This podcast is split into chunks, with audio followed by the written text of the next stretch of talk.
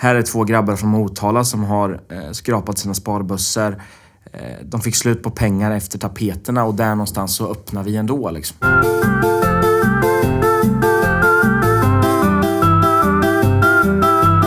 Hej! Nu är det dags för en ny podd idag med ingen mindre än Jocke Almqvist och Kalle Nilsson som driver krogen Punk Royal. Vi pratar succékrog och chokladbollar. Häng med! Först så tackar vi vår sponsor Statist.se. Kalle Nilsson heter jag. Jag är 25 år är jag. Ursprungligen från Motala och eh, bor nu här och driver en, eh, en restaurang tillsammans med Jocke. Yes, jag heter Joakim Karl Lennart Almqvist eh, och är också ursprungligen från Motala. Nyss fyllda, eller nyss fyllda synd att säga. Ganska van 30-åring nu. Ingen familj direkt. Boende i Stockholm. Och eh, driver Punk Royal tillsammans med Kalle. Dagsform, hur mår ni? Eh, ganska bra. Ja, det är en ny vecka på gång. nu börjar man... måndagar eh, brukar man må ganska bra för man brukar, så här, man brukar ha mycket att stå i. Mm. Ad- Det, är- det, är en, det är en administrativt, viktig liksom. dag för Ja. oss att, att, att komma igång i veckan och få en bra start. Liksom. Jag är lite trött. Jag var ute en sväng igår på krogen så jag var lite så här seg. Men, men, eh, men annars bra. Var he- hemma ganska tidigt. Vad vill ni prata om? Ja, extra. Nej, men det är väl alltid kul att prata om, om liksom, vad alltså krogen och, och eh, produkten som vi håller på med i, i sin helhet. Alltså, det är ganska intressant hela, hela utvecklingen just nu i, i Krog Stockholm. Det är mycket nyöppningar och det händer fruktansvärt mycket. Det känns som man knappt själv hinner hänga med vad som, Nej, som ju- Mm. faktiskt sker just nu. Så det är intressant. Men det är väl som sagt... Vi har väl ja. fokuskrog i alla fall Ja. i podden. Känns det som. Det låter rimligt. Ja. Om ni skulle beskriva liksom varandra, om, om Jocke skulle beskriva Kalle och Kalle beskriva Jocke, liksom, vem är ni som personligheter? Nej, Men vi känner ju varandra extremt väl nu så vi, om någon ska kunna göra det här så är det väl vi. Liksom. Ja. Nej men Kalle är eh, en fruktansvärt duktig kock. Begåvad trots sin ålder liksom. Alltså att det har gått väldigt fort för honom. Duktig kreatör och kanske en av få kockar, eller jag skulle kanske säga den enda vid hans ålder i Sverige idag som har insett värdet av, eh, av gästen i fokus och att även eh, det finns andra saker som gör en, en måltid eh, stor. Förutom det som ligger på tallriken. Fint sagt. där. Ja, jag vet. Nej men det är väl, så- alltså vi, vi har ju ett väldigt bra samarbete och i, i, jag tror aldrig jag har jobbat med en människa som Jocke som är så pass kreativ och så pass så här, Alltså som kan jobba så pass mycket, att en människa ens kan jobba så mycket som Jocke kan jobba. Det är helt bisarrt egentligen. Och, eh, nej men vi, alltså, vi är nog väldigt bra komplement till varandra också. Jag tror att vi... Eh, det är det som har lyckats göra Punk Royal till dess framgång den är. Alltså dels att vi är, vi är duktiga på det vi gör men, men också så att vi, att vi är två personer som... s- Det är alltid lättare att vara två personer och göra någonting tror jag. Om du trivs bra med varandra än att vara, vara ensam liksom. Vi kan ju dela upp oss eh, ganska smidigt och vi, vi eh, blev ganska varse om det i början, uppstarten av restaurangen. Dels så är det eh, mycket tid utanför köket man måste lägga på att lösa bitar som man inte ens Som man visste inte har fanns. tänkt på. Nej, exakt. Det är- Vi var ganska naiva vid våran krogöppning och trodde att det bara var att installera köket, städa av och köra. Liksom. Och jag tror att när vi insåg värdet mest av att faktiskt vara en duo, det var nog efter hela den här kåken härvan som var att vi slapp Ja. stå själva i, i det, I det draget. Liksom. Då, då var det fruktansvärt skönt att faktiskt vara så här. Eh, vi fick ta smällen ihop och, och vi redde ut det tillsammans. Liksom. Men Jag ska återkomma till det. Eh, är, om man säger att ni är kockarnas Fredrik och Filip, skriver ni under på det? Ja men det, har är nog, det hört har vi hört förut förut, och ja. det kan nog ligga så här. Jag, jag vet inte vem som annars skulle vara det så vi får väl ta den liksom. Nej men, Nej, men alltså, det är väl en ganska... vi är väl en, alltså vi är ju en väldigt hårt förknippad duo. Så att, Mm. vilket också till exempel, alltså sen tycker inte jag att vi kanske är så lika de som personer men om man ska jämföra en, en mediaduo och en kockduo, ja absolut då, kan- då kan vi ju hamna där. Om man, om man kör lite historik då på vad ni har gjort tidigare. Alltså, ni är kända från Ölbaren. Är det Ölbaren? Är det där liksom du startade det här? Liksom, att, att, Det var väl där egentligen vi fick Fick chansen att fick chansen att utvecklas. Dels som kockar, att vi, vi hade väldigt, eh, vi hade väl, eller vi hade helt fritt. Eh, Men sen även att vi fick, första gången vi fick styra en restaurang helt från scratch. och, och tänka, tänka hela upplägget istället för bara skriva en meny. Eh, och det, där var, det kom ju inte från början utan det där tog, det tog ett fanns par ju ett säsonger. koncept som sagt från början som det skulle vara. Sen så ändrade vi om det där. För vi kände att det inte funkar riktigt och, och så vidare. Så där någonstans började väl utvecklingen till vart vi är idag. Eh, Men, men var det liksom inte lite så här tufft ändå? Liksom det är traditionell krog uppe i Åre. Liksom det, jag det vet, var... Det låter ju inte skitsexigt heller när man tänker tillbaka på det nu. Alltså, vi har varit ganska hårda mot, mot krogscenen i Åre för att vi tycker att den är ganska... Eh, den får o, oförtjänt, oförtjänt bra kritik egentligen mot vad det faktiskt levereras där uppe. Och det är... Eh, sett till vad, vad man faktiskt betalar eh, uppe i Åre så tycker inte jag... Jag tycker att det ligger långt, långt, långt efter Stockholm. Och tyvärr så jämförs det ofta med Stockholm att det skulle vara någorlunda samma nivå. Och det är det absolut inte. Det är, det är bara Färviken som håller flaggan högt, eller fruktansvärt högt. Eh, Men det ligger ju inte i Åre, så att... eh, Nej men första året var ju jävligt tufft. Alltså, så här, Vi visste ju, varken jag eller jag har varit på semester i Åre en gång. Alltså Jocke, du hade ju aldrig varit där. Alltså, Nej. det, liksom, vi hade ju bara hört, och det är jättebra publik i Åre vissa veckor. Eh, för att det är många härifrån som åker upp till Åre. På Och förvä- förväntningarna är ju precis som du säger, det är ju ganska traditionellt. Man, man ska äta man ska äta Jämtlandsröding, man ska käka ren på jämtvis och det är lite så här. Eh, det ska vara på ett visst sätt. De har sina diners där uppe och Dalbom på torget och allt det här. Och, eh, när vi kom och vi fick egentligen ett koncept satt i handen på oss. Det här ska ni göra. Man ska äta en trerätters måltid på ölbaren där man får välja mellan tre förrätter, tre varmrätter, tre desserter. Och utifrån det så väljer man sin egen trerätters. Och det skulle kosta 700 kronor. Och redan där så hajar man till lite grann. För 700 spänn för tre rätter. Det låter ganska Det mycket. det är ganska mycket pengar och eh, då tvingas man nästan till att jobba med, med en viss typ eller ett segment av råvaror som, som ska kunna uppfylla de här kraven för 700 kronor. Liksom. Vad, vad gjorde ni då? Gjorde ni om det konceptet? Eller? Men vi började inse i slutet, alltså av, eller första året då att... Ja, det var väl i mitten av säsongen vi märkte att krogen gick fruktansvärt dåligt. Vi fick stänga vissa dagar på grund av att vi inte hade några gäster. Det fanns ingen beläggning för våra gäster. Och, och, Så då eh, började vi köra på. Alltså det, det som det började med var så här, men du hade ganska mycket prepp på i och med att du hade typ en à la carte-meny. Liksom. Då började du köra på flera rätter fast du bara hade beställt tre rätter till någon och då märkte man att folk blev jävligt positivt överraskade på den grejen. ja. Eh, så det var ju så, då bara, "Ja, men fan, fuck it, nu kör vi meny på alla istället. Och det blev det så kanske sista månaden första året men sen andra året var det först då det, det rullade igång bra liksom. Jo, jag tror vi insåg kanske det värdet i ordet prisvärdhet. Alltså att, att, Där lärde vi oss extremt mycket där att, liksom. att där var vi tvungna att jobba med att, att kommunicera menyn på ett helt annat sätt. Att visa, att skriva i, i boxen utanför restaurangen så, så, så blivande stod- gäster ja. kunde se att det stod så här 12 serveringar 600 kronor eller 10 serveringar 700 kronor. Att folk verkligen så här, för då räknar man på fingrarna lite grann, vad kostar varje rätt? Och då börjar folk fundera och inse att jo, men det här kan nog vara, det här kan nog vara ett väldigt bra alternativ. Sen är det, har det ju ett väldigt, det gör det ju inte så lätt, nu är det inte vi som bestämmer, alltså det är ju inte så lätt för om du döper en restaurang till ölbaren. eh, och Alltså det, det är en jävligt bra idé för att du döper till någonting skitigt och det ska vara lite skitigt men det är en jävligt bra produkt där inne. Men du ska också kunna förmedla det till människor. Hur gör man det? Alltså det är ju det är en gåta man måste lösa om man ska fylla en ölbar liksom. Sen insåg vi också på vägen, och det var egentligen också år... Det började ske år ett, men det var år två, eller säsong två, som vi egentligen tog det fullt ut med att eh, vi klev med all mat själva, presenterade för gästerna. Eh, vi mötte gästerna själva i dörren eh, och började mer och mer tänka kring hur faktiskt folk upplever saker och ting. Man, man såg på, på minspel och, och liksom allting hur folk faktiskt reagerade över när saker och ting hände. Liksom. Och det där var väl på något sätt början till att börja tänka mer eh, kreativt kring hur kan man skapa en helhetsupplevelse för en gäst som kommer till Åre och faktiskt upplever ölbaren som det absolut bästa på hela vistelsen. Det var ju liksom en målbild för oss att det skulle kunna bli så. Liksom. Men, Ja. men alltså, var det inte svårt att se? Jag, jag tänker som ni sa nyss, nyss där med att det heter ölbaren Mm, och så tar man svårt. 700 spänn.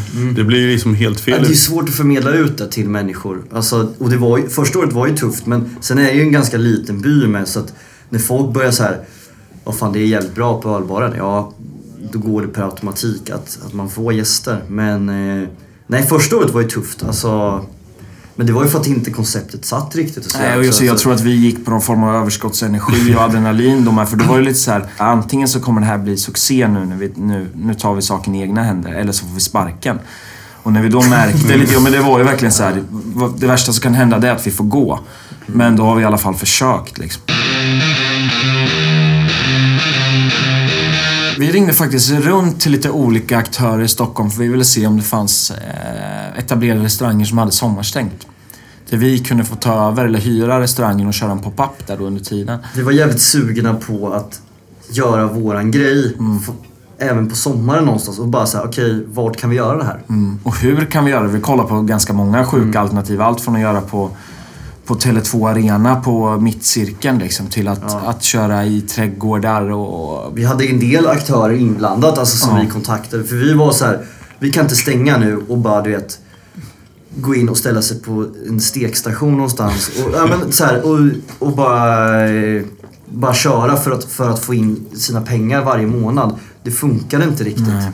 Så vi bara, nu, vad fan vi är tillräckligt kreativa och duktiga så vi måste ju kunna, vi känner tillräckligt mycket människor så vi måste liksom kunna hitta roliga alternativ till att fortsätta med det här liksom. Och Niklas var ju egentligen, han... Jag tror inte ens han tänkte när vi, eh, när vi ringde honom, för han var verkligen så här. Shit vad kul. Eh, när passar det typ? Eh, ni kan köra på kåken och då blev vi eld och lågor. Kåken har man ju... Vart och krökat på Man har ju krökat en del och det är en, en svin... Ja, det är ett jättebra uteställe och, och nöjesscen liksom. Och då blev ju vi...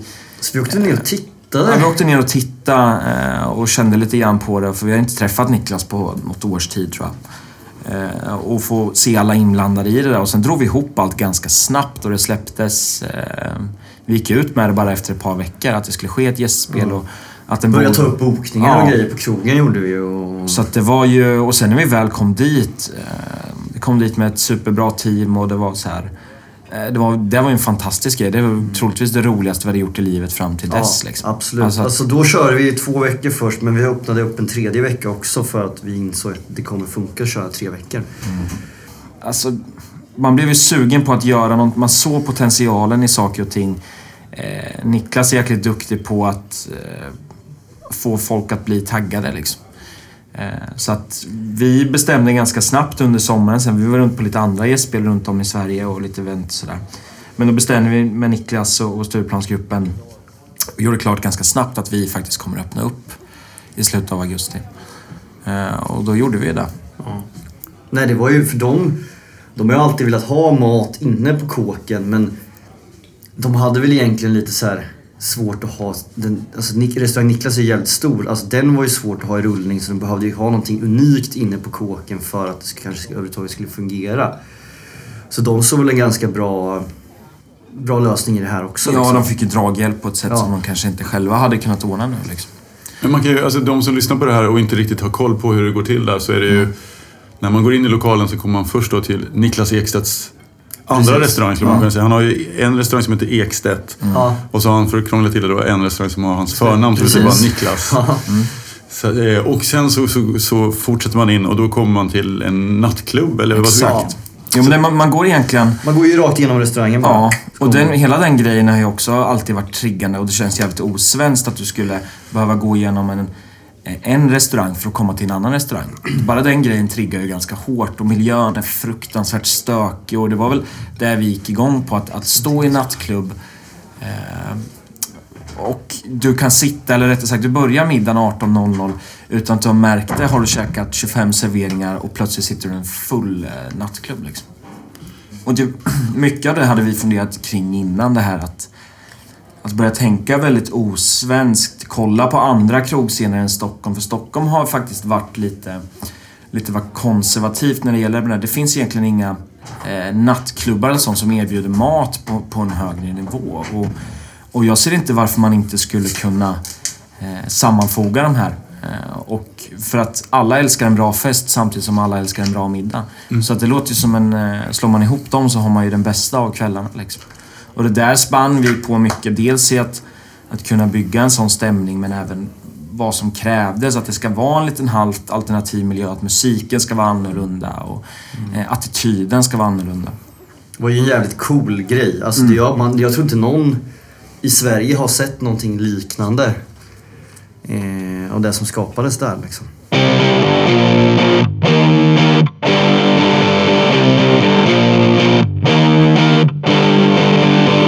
Man, när man läser lite artiklar om, om den tiden när ni var på, på, på kåken så känns det som att ni har tagit med er en del därifrån såklart till, till er restaurang idag. Eller hur, hur, hur, hur förhåller sig kåken och hur förhåller sig nya? Det är två vitt skilda ställen. Eh, det vi egentligen tog med oss var väl att vi insåg bristerna i det vi gjorde på kåken. Eh, och det var ganska... det jävligt svårarbetat på grund av att köket såg ut som det gjorde med. Det var en helt annan logistik. Det, vi tog ju med oss, man kan säga att vi tog Punk Royal är det bästa av, av ölbaren och det bästa av kåken. För att ölbaren var lite liten och... Ja, bra touch. Liksom. ja.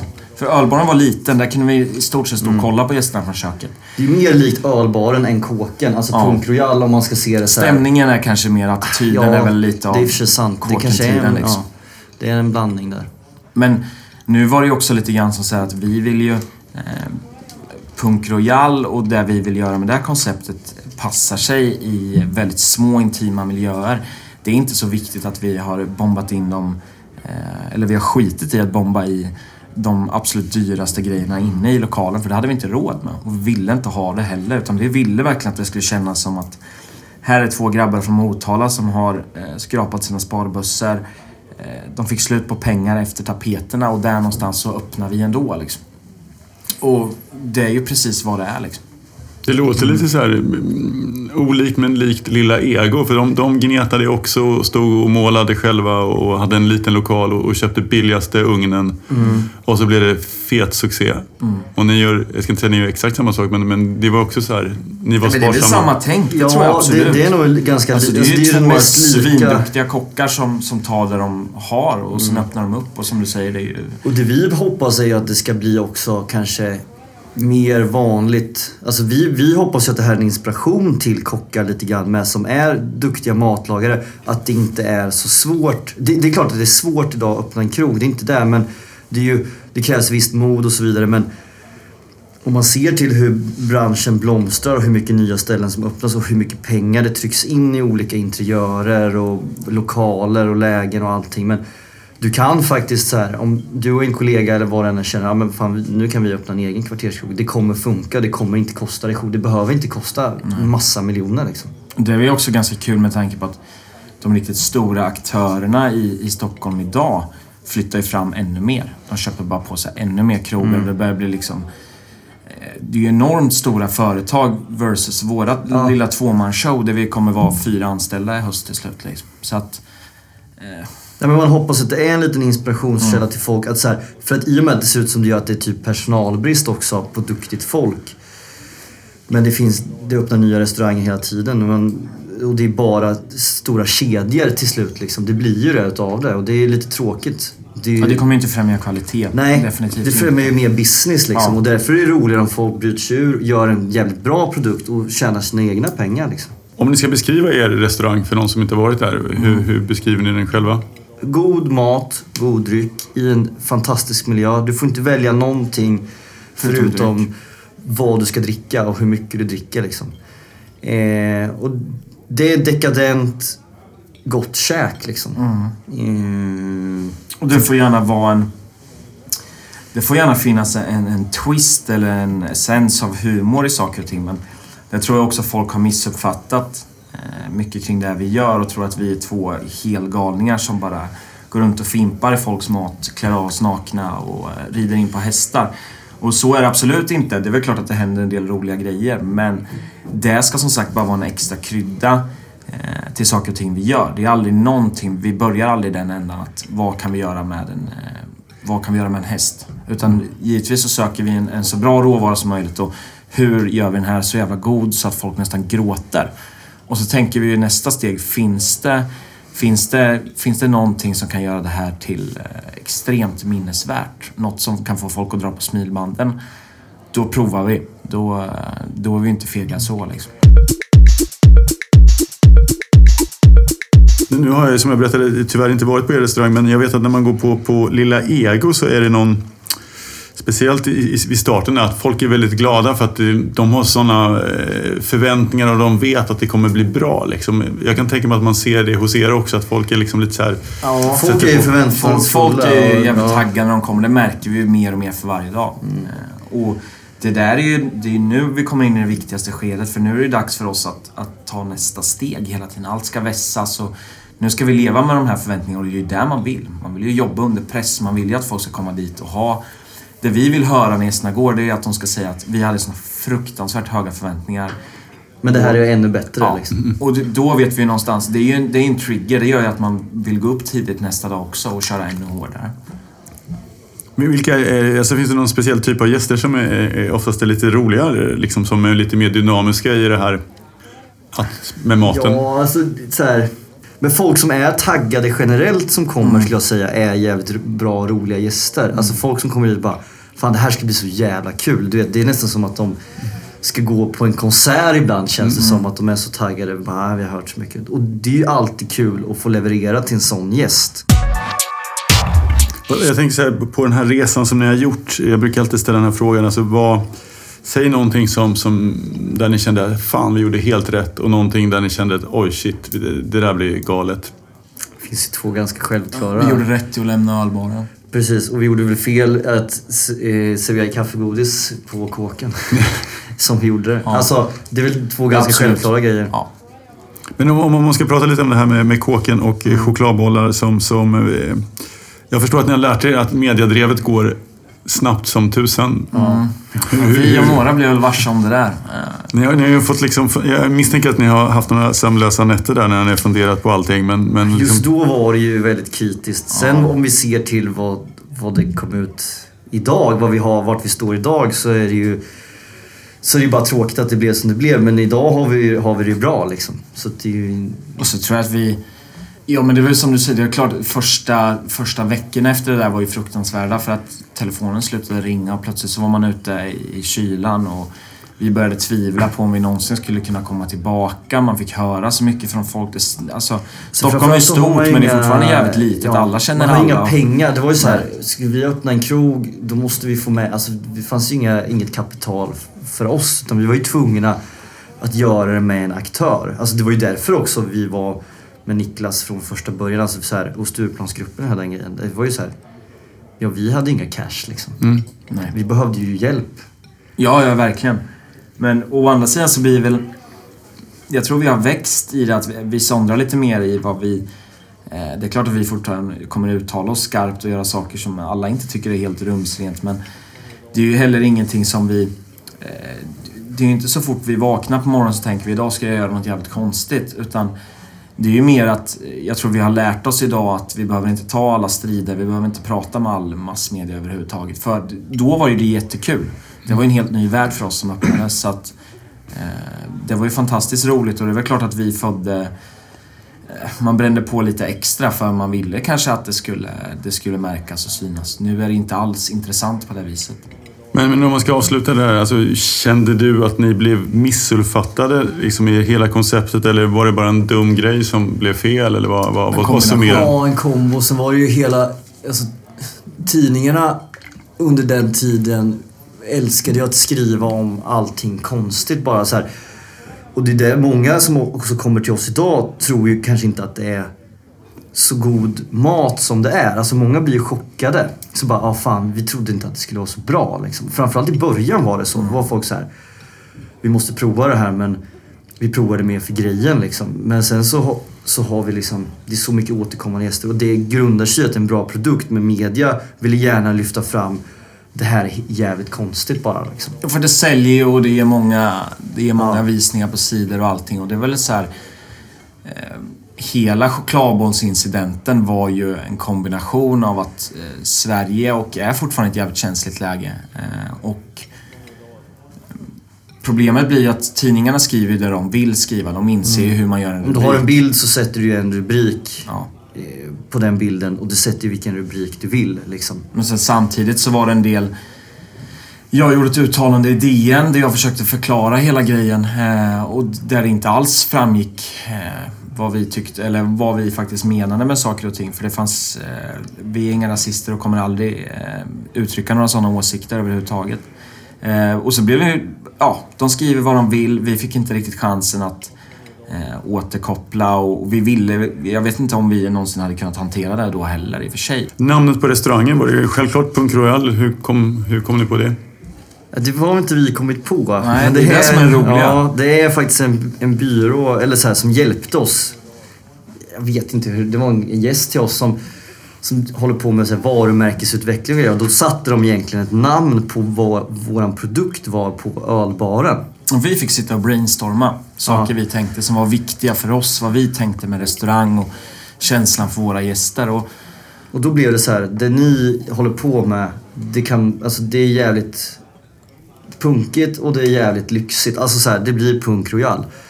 Eh, så, så vi, man älskar ju det direkt när man hörde det här första gången, Punk Royal. Men fy fan vad chefigt Ja. liksom. Vi, man älskar, vi har spelat med uttrycket Grand Royal och Ja. Royal i alla dess former och det blir så här. eh, På något sätt så var ju det, det träffar ganska hårt på oss liksom. och när vi skulle öppna då så blev det ju ganska självklart för att det är ju exakt det vi gör. Det här, alltså Punk Royal, när ni pratar lite skådespel och så.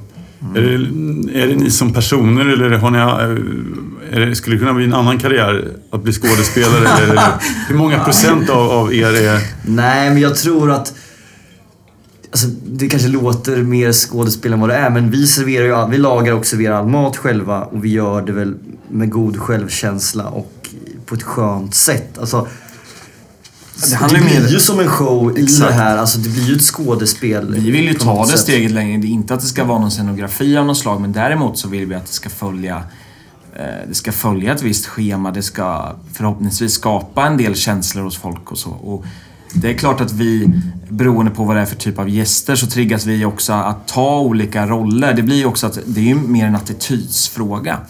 Eh, men Men att vara, konsten att vara skön mot människor tror jag bara. Ja, samtidigt som man ibland vill lite grann det här... Eh, vad ska man säga? Man, man vill typ ta udden av att saker och ting kan vara lyxigt eller svårt.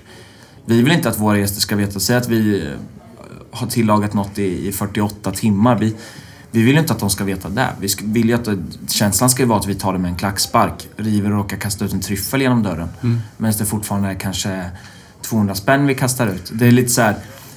Vi vill Ja. lite grann... Man behöver inte förmedla förarbetet så Nej. mycket som andra kanske gör till sina gäster. Men det är ju så här, vi gör ju precis som vi vill. Det finns inget alltså, rätt i någon form av avdukning eller pådukning av bestick. Alltså det är så här, det läggs på bordet där det finns plats liksom, Det eller ju- tas bort. Det är ju det som också är essensen av Punk Real, för då blir det också att man kommer nästan hem till oss. Det blir väldigt personligt. Vi vill möta gästerna på det sättet. Man, man, man, ska, inte, man ska nästan känna att man, man känner en del av oss när man går därifrån och att man har fått en jävligt nära och intim upplevelse. Liksom. Så att det där är som Kalle säger precis att vi gör lite grann som vi vill och det passar och, och det passar in i schemat. För att det funkar liksom. Och, och jag tror ingen bryr sig om gaffeln ligger vänster eller höger Men så här, om. vem har sagt den. att den ska ligga där den ligger? Ja. Vem, vem har bestämt att du ska servera från höger sida eller Ja. bjuda från vänster? Alltså vem är det som har bestämt det? Ja, och det blir nästan så såhär... Och varför ska vi ta Varför efter ska man alltid ställa ner tallrikarna till kvinnorna först för? Kan man inte bara göra tvärtom? Bara för att bara lite såhär... Mm. Ja,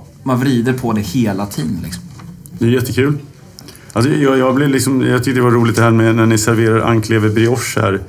Att ni till exempel, bara som exempel för lyssnarna då, kan göra en liten smiley liksom. Den, den kör vi hårt med. Eller den, har- det är väl en signaturgrej vi har. Ja.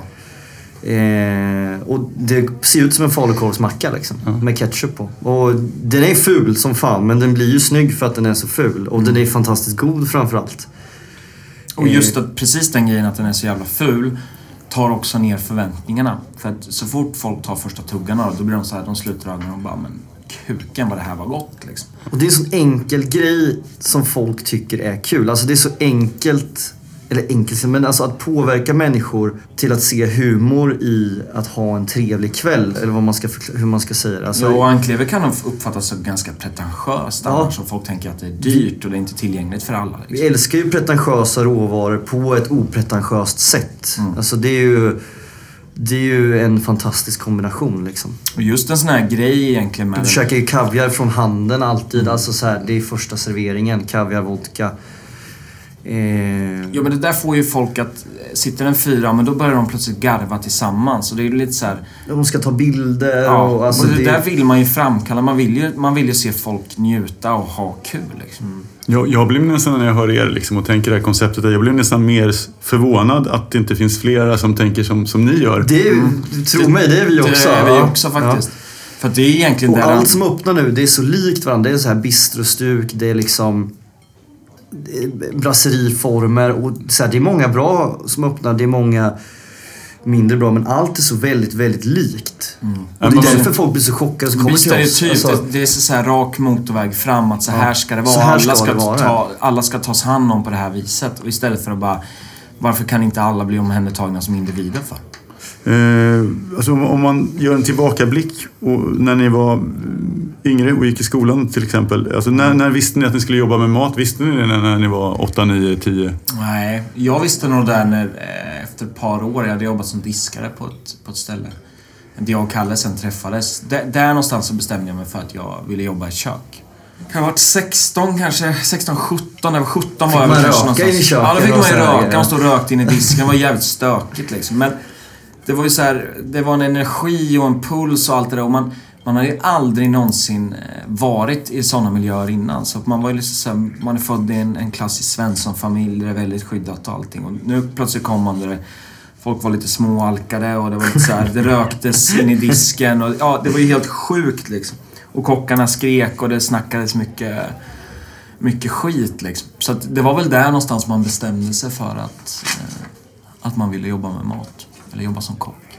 Jag gick ju lite mer den klass. Jag gick ju restauranglinje på gymnasiet. Men jag ska inte säga att jag visste att jag skulle göra det när jag var 8-9 år. Men jag visste ju att jag skulle göra det i alla fall på högstadiet liksom. Den, den tiden. Men sen att jag skulle tycka att det skulle bli så stor del av mitt liv. Det, det visste jag inte då heller liksom. Det, men, men intresset generellt utvecklades väl på, på gymnasiet. Alltså, så kan man väl säga att ingen av oss kommer från, från, eh, från familjer som, som gick ut och åt på restaurang på det sättet. Så att det blev inte Nej. naturligt den vägen heller. Att, eh, Men lagade ni mycket mat hemma? Hade ni föräldrar som var intresserade av mat? nej, inte Ja, på det min sättet. mamma lagade alltså. mat så som lagade väldigt så klassiskt men inte alls eh, det var ju precis, det var ju absolut inte någon, någon eh, krogmat. utan det var Nej, så man klassiskt satt ju aldrig hemma ätit. en fredag och käkade en trerättersmiddag. Alltså Nej.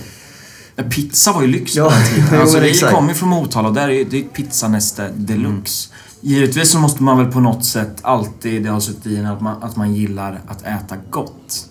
Vad den må vara. Om det så en, en raggmunk med fläsk eller om man tyckte en fläskfilé med bearnaisesås och klyftpotatis var gott. Man, man har ju alltid uppska, uppskattat och tänkt kring mat på, på ett positivt sätt. Annars hade man ju inte... Annars hade ju det intresset aldrig riktigt uppstått. Sen är det ju så att så fort du tycker vad det än är du pysslar med, så fort du tycker att någonting är kul så kan du bli jävligt bra på det liksom. Alltså, om du har kul, det kan ju vara så att det är god stämning i ett kök och man har jävligt roligt på jobbet, då blir det ju, det ju då lättare. blir det ju bra. Alltså det handlar ju mycket så här, hade du hamnat först i ett, ett väldigt tråkigt eh, steril, på en steril tråkig arbetsplats, då kanske du inte hade tyckt det var lika roligt och då hade det inte blivit lika bra. Tystnad, eh, tagning! Varsågod. Varje månad behövs tusentals statister. Statist.se har uppdrag till dig som vill vara statist, skådespelare, modell eller tv-publik. Hitta ett roligare jobb redan idag på statist.se. Tack så mycket. Där satt den. Jag tänkte prata lite om trender. Sista åren, alltså det är ju alltid från först så blir det liksom korven, långkok, alltså syrade grönsaker, napoleansk pizza är ju lite på tapeten just nu och fin kebab. Alltså vad, hur, hur ser ni på trender? Alltså, känner ni att ni kör ett race eller tänker ni, tänker ni på Lite trender? så kanske, men det är klart man Ja. tänker.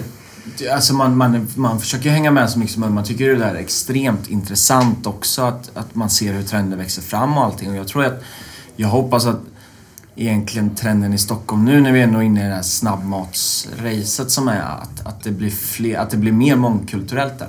Vi käkar typ en gång i veckan på Amidas. För att det är typ det bästa man kan äta i på den delen av Söder liksom. Och Jag tror att det kommer bli, eller det måste naturligt bli så, att vi kommer äta mer mångkulturellt. Men samtidigt måste vi vårda det vi har, husmanskosten. Varför vågar ingen laga en riktigt bra lunch i Stockholm? Det är, Nej, det är just- jätte, jättesvårt så här- att, hitta en bra lunch Ja. vettigt. Det man kan käka, alltså på Söder har vi ju ingenstans. Men trender är ju inte alltid intressant och man följer ju alltid trender till viss del. Så här, för det har ju med råvaror och grejer att göra också. Alltså säsong, råvaror, vad finns det att tillgå? Det är ju olika trender men Ja, och estetik har väl det kanske det som har följt sig mest. Eh, alltså, när det nynordiska köket rasade som värst, eh, då skulle alla plötsligt börja lägga saker på sidan på en tallrik. Vad fan ska man göra där för? Det känns som att allt ska ramla omkull liksom. Tänk om alla bara släppte allting och bara så, men hur äter man det här faktiskt bäst egentligen? Varför måste alla lägga det på likadant vis? Då blir man ju alla precis likadana. Så att nu har ju det där i och för sig släppt ganska rejält. Nu snackar de om Ja. att det franska köket skulle komma hårt igen och det kommer det säkert göra. Eh, nu Men, ser man ju mer också så kanske trender i vad för typer av restauranger som öppnar. Mm. Alltså just den här grejen att ja, men nu är det, nu är det såna här krogar som är på tapeten att öppna och, och Alltså för, för några år sedan var det väl stjärnkrogar, alltså just den, den grejen så. Men mötesplatsen är ju en, en stor grej nu att folk Ja. har insett att mellanrätterna hade sin Mm. tid, att du skulle beställa flera grejer men inte äta klassiskt förrätt, varmrätt, dessert. Alltså det är ju sådana trender ser man ju också hela tiden. Men snabbmatstrenden gillar man ju. Man hoppas ju att det kommer finnas mer som är bra. Alltså K25 och hela den biten, det är ju fantastiskt liksom. Och nu har du nya Urban Deli på Sveavägen det, jag har också. inte varit Ja. där faktiskt, men, men ja. Ja, och så blir det ju nya i, i ringen nu på Söder. Ja, det blir samma Magnus som Nilsson och K25. gänget. Alltså det blir ju det kommer bli den- superbra. Liksom. Den snabbmatsgrejen är helt fantastiskt om man kan göra det kvalitativt. Eh, som det förhoppningsvis blir. Och det är ju också med ganska små medel du kan göra någonting. Alltså det är ju små kiosker du öppnar liksom.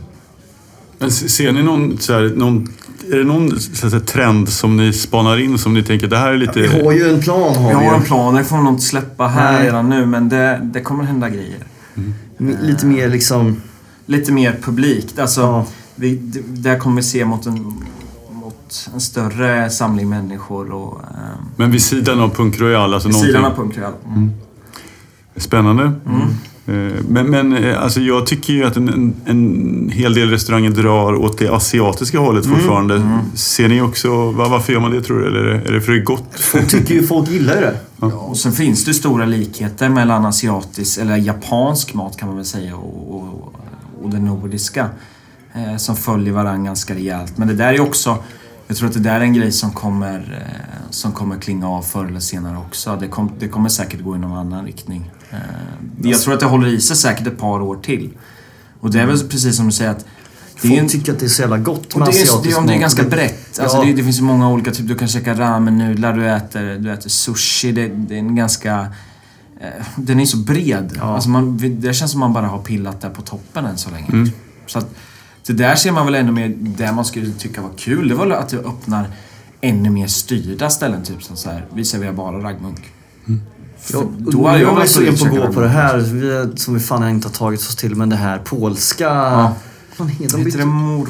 Nej, Mor, ma, mormors eller sånt där. Jag tror... Mormors kök på Ja, Östermalm. Ja, Ja. exakt. Ja, jag har käkat lunch där. Det var, det var bra. Eller jag, jag, jag måste gå dit flera gånger. Men, Ja. men, men det Nej var, men just så här att nischade krogar generellt eh, som, som kör sin egen grej. Är Ja, ju, för alla har ju, nu är det ju så här, men nu, nu stora brasserier och, och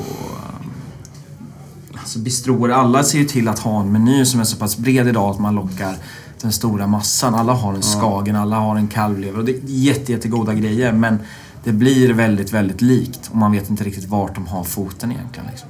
Och de flesta är så pass stora med så att det är svårt att göra en personlig prägel på det för att det är så stora verksamheter som öppnar. Liksom. Det, är så, det ska vara så mycket sittplatser och det... Ja, det är, svårt, svårt att driva ett stort ställe personligt. Alltså sätta en... um, Jag tror att den absolut största trenden de närmsta åren blir service. Man kommer tänka service. Jag tror att folk börjar inse nu lite grann att eh, dels är det väldigt svårt att hitta personal som räcker till alla för det händer så mycket på, på Stockholms krogscen. Men dess- däremot så tror jag nu att, att folk kommer vilja bli bemötta på ett, på ett vettigt vis och på ett annorlunda vis och inte ha den här att stoltheten i det här yrket kommer komma rejält. Liksom. För det måste bli nästa stora grej. Nu har kockar i stort sett blivit rockstjärnor. Det är ju bara att kolla på Lilla Ego liksom. De är ju, det är ju helt enormt mediaflöde och då blir det så här. Nästa stora grej blir faktiskt att det är faktiskt servispersonalen eller matsalspersonligheterna som, som möter de flesta av gästerna.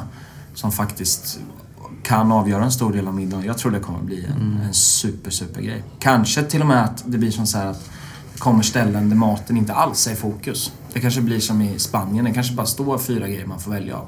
Men däremot så jobbar de med, med personligheter ute i matsalen som är superbegåvade eller som du säger, de kanske har en roll, vem vet liksom. Så jag tror vi båda har fått ganska stor inspiration av alltså, Mattias Dahlgren. På grund av att han lagar väldigt god mat. Eh, ganska rakt upp och ner. Det har inte varit... Eh, han lagar extremt rak mat känns det som och tydliga smaker och det har alltid varit mycket brynt smör och, och gott liksom. Han, han lagar ju... god, väldigt, Ja, väldigt god smakar mat. jävligt liksom. Ja. mycket liksom och det, nej. Eh, Men alltså man är imponerad av alla människor som lyckas ta sig långt och lyckas driva... alltså, Det är väl, eh, jag menar, om du ser till Björn Franzéns ego som han verkar ha. Så är det ju också helt sjukt egentligen liksom. Men ändå ska han ju ha cred för det. För Ja. han har ju bestämt sig för att Precis. han ska bara någonstans. Och Ja. det är så här, han... Så där är jag imponerad av ett sånt driv Ja. eh, hos en människa. Men det finns ju många, alltså... eh, Man imponeras över Sajan Isakssons estetik och liksom det är ju konstverk han, han lägger på tallriken. Och Magnus Nilssons driv, samma sak Ja, där. Alltså, det det är så här, han finns har ju lyckats med något som egentligen hade varit otänkbart i Sverige. Liksom. Jag har lyckats skapa en sån krog där den ligger. Det är ju, det är ju sjukt coolt att människor kan ta det så långt. Liksom. Det är väl det ju, som egentligen är bra som så här att det ger... Man hoppas att folk som står i mindre städer ute i landet någonstans faktiskt eh, tar till sig just det de har lyckats göra. Skulle man någonstans, om man, om man drev en restaurang i, vi tar som exempel Nässjö eller var som helst mitt i, mitt i Sverige. Liksom. Då hade man ju velat åka och se de här avlägsna ställena. Typ Daniel Berlin eller eh, Färviken just för, för att få inspirationen till att vad kan jag göra? Vad kan jag ta till mig från det här? Inte att kopiera maten utan mer ett förhållningssätt. Liksom, hur man lyckas. Och så är väl alla kockar. Jag tror man, man plockar de bra bitarna och man inspireras av... Jag vet inte hur många gånger vi har Ja. suttit och läst Bon boken och ryst att bara shit den här människan är... Han, han är sund liksom. som sagt, man plockar inspiration från olika delar av olika människor. Men, eh, men just matmässigt så tror jag att det är i Sverige i alla fall så här, störst eh, inverkan. Sen första gången man var och besökte Le Chateaubriand som restaurang så var man också så här, fan finns inte det här i Stockholm för liksom? Som är en, ett, en stor restaurang där du liksom äter en meny för 600 spänn. Ja, det är ett självförtroende, det är rock'n'roll, det är puls. Det är puls liksom- som fan och det är så här, ja, men du käkar en kompetent meny för 600 spänn i en jävligt skön miljö. Men ganska sunkigt liksom. Mm. Det är, ja, men jävligt coolt. Berätta mer, var? Le Chateaubriand är en restaurang i Paris. Som har, jag vet inte vad de är rankade nu men de har varit topp 20 i världen i alla Ja.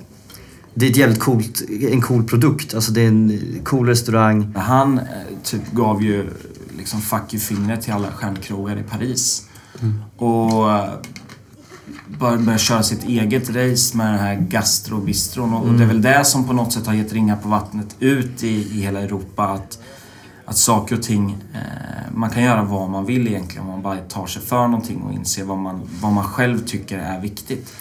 Men är det väntetid på ett halvår? På... Nej men det är Ja, ganska men- stökigt ja, att få bord emellanåt. De där. har, ett, de har ju rätt många sittplatser så därför brukar det ju alltid, alltid gå att få bord. De kör Men- ju kö utanför Ja, sen. så två bord kör de som man inte kan boka lite sådär. Men, men ja, ska du boka ett bord en specifik lördag då bör du säkert vara ute ett par månader i alla fall innan.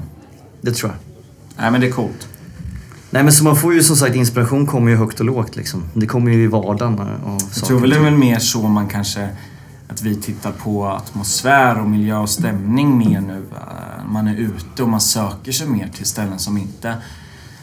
Sterila ställen är väl kanske inte där man letar efter och den här strikta stjärnkrogsmiljön. Det ger kanske inte oss eh, så mycket. Men däremot, det finns ju så jäkla mycket i, i södra Europa att se idag och lära sig av hur de, hur de tar hand om människor och eh, hur de faktiskt ser på restaurang där. För att vi har diskuterat det ganska mycket. Vi var i San Sebastian och käkade med några kompisar och var där och semester en vecka nu.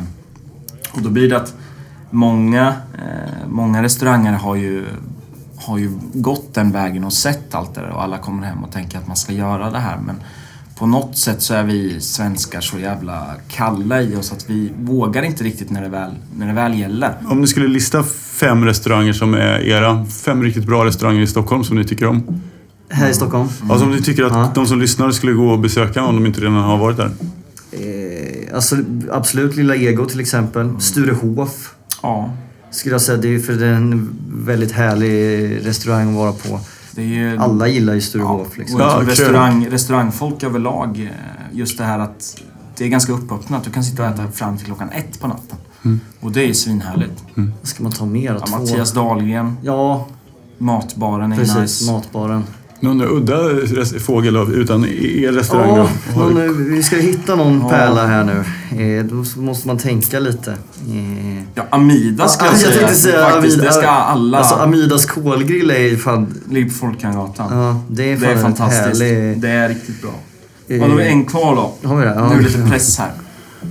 Jag skulle säga personligen tycker jag fortfarande Rolf Kök är sjukt härligt. Ja, fan vi skulle gått dit igår men det blev aldrig så. Rolf Kök är bra med. Ja. De är trevliga där framförallt tycker Ja, de har jag. fan bildat skola på något sätt. Det är, nej, det är bra. Mm.